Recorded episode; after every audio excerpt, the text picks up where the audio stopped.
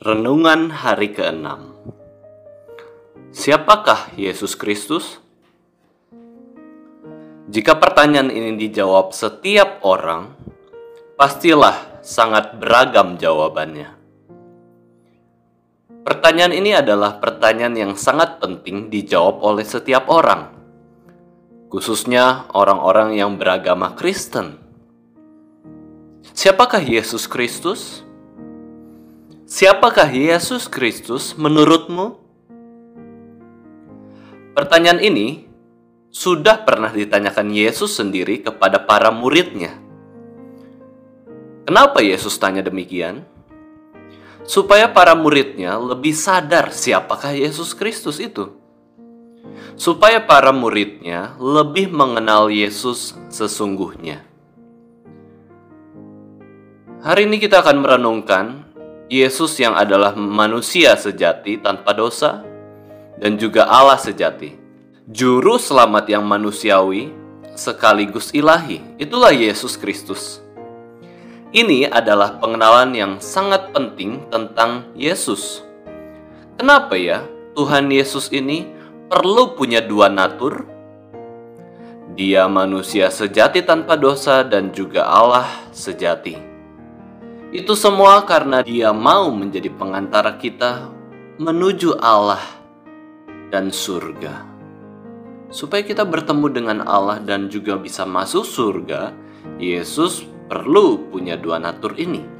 Dia rela jadi jembatan yang dapat kita seberangi supaya kita bisa menyeberang dari hukuman kekal menuju hidup kekal bersama Yesus Kristus. Di kitab Kejadian, ular sudah mengalahkan Adam dan Hawa, sehingga mereka tunduk pada pencobaan dosa itu. Adam dan Hawa jatuh ke dalam dosa, dan Allah mengatakan pada ular bahwa Aku akan mengadakan permusuhan antara engkau dan perempuan ini, antara keturunanmu dan keturunannya. Keturunannya akan meremukan kepalamu dan engkau akan meremukan tumitnya. Keturunan perempuan ini adalah satu pribadi laki-laki yang adalah juru selamat dunia yang akan menghancurkan pekerjaan iblis. Dialah Yesus Kristus. Di kitab Mazmur, Raja Daud yang Allah telah angkat jadi raja dijanjikan oleh Allah seperti ini. Apabila umurmu sudah genap dan engkau telah mendapat perhentian bersama-sama dengan nenek moyangmu, maka aku akan membangkitkan keturunanmu yang kemudian dan anak kandungmu, dan aku akan mengokohkan kerajaannya. Dialah yang akan mendirikan rumah bagi namaku, dan aku akan mengokohkan tahta kerajaannya untuk selama-lamanya. Daud juga menuliskan, Demikianlah firman Tuhan kepada Tuanku. Duduklah di sebelah kananku, sampai ku buat musuh-musuhmu menjadi tumpuan kakimu. Apa arti dari semua ayat ini? Keturunan Daud yaitu Yesus Kristus, dialah yang akan memerintah di masa yang akan datang. Dan Daud menyebut keturunannya sendiri sebagai Tuan. Ini tidak lazim. Biasanya, keturunan yang memberi penghormatan kepada leluhur. Tetapi pada kasus Daud dan Yesus Kristus, leluhur yang memberi penghormatan kepada keturunan. Jika Daud menyebut Yesus itu tuannya, bagaimana mungkin Yesus adalah keturunan Daud juga? Jawabannya adalah Yesus keturunan Daud menurut natur manusianya. Tetapi pada saat yang sama, Yesus lebih tinggi daripada Daud karena Yesus juga ilahi. Bapak, ibu, saudara yang terkasih, bagaimana agar dosa manusia dapat dibereskan? Jawabannya adalah pengampunan Allah. Akan tetapi, tanpa penumpahan darah, tidak ada pengampunan. Maka dari itulah kita perlu pengorbanan Yesus Kristus. Apa yang Yesus korbankan demi keselamatan jiwa manusia? Dia korbankan tubuh dan darahnya. Yesus mencurahkan darahnya di atas kayu salib demi kita dia melunasi hukuman dosa kita, bagaimana dengan penumpahan darah korban binatang? apakah dapat mengampuni dosa manusia? Tidak.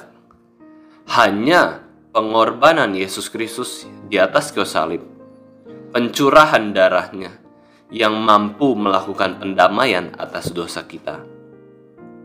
Di dalam kitab Yesaya 53 dikatakan, Tetapi sesungguhnya penyakit kitalah yang ditanggungnya, dan kesengsaraan kita yang dipikulnya.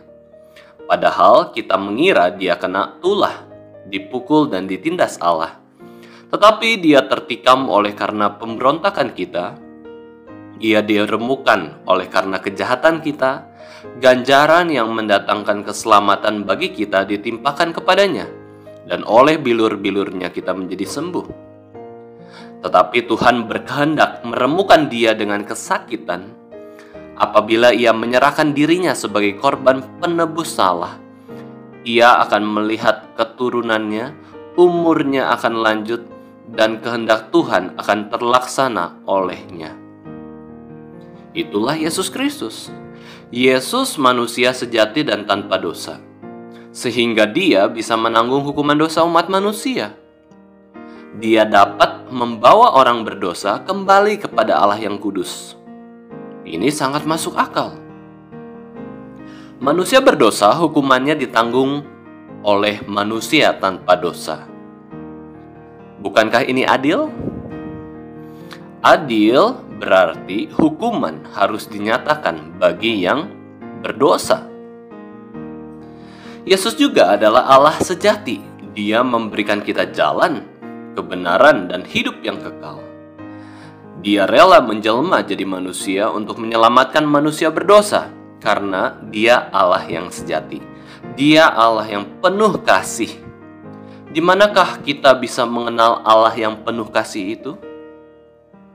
Apakah Allah itu adalah Allah yang sekedar kita harus puji, harus sembah, harus layani Dia, harus penuhi keinginannya? Tidak. Yesus Kristus bukan saja layak disembah, tetapi Dia juga mau melayani manusia berdosa dengan memberikan darahnya, tubuhnya, seluruh hidupnya untuk menderita di atas kayu salib, mati menanggung hukuman dosa kita. Yesus adalah Allah yang penuh kasih dan kebaikan. Itulah Yesus Kristus. Maukah kita menyatakan kasih dan kebaikan Tuhan kepada sesama kita di masa-masa sulit ini? Maukah kita tidak fokus pada kepentingan dan kenyamanan diri saja, tetapi juga berdoa bagi mereka yang sedang tidak nyaman karena pandemi ini? Kiranya Tuhan menganugerahkan kasih dan kebaikan pada kita, dan kiranya kita boleh beserta dengan Yesus Kristus, dan kiranya juga Yesus Kristus beserta dengan kita. Amin.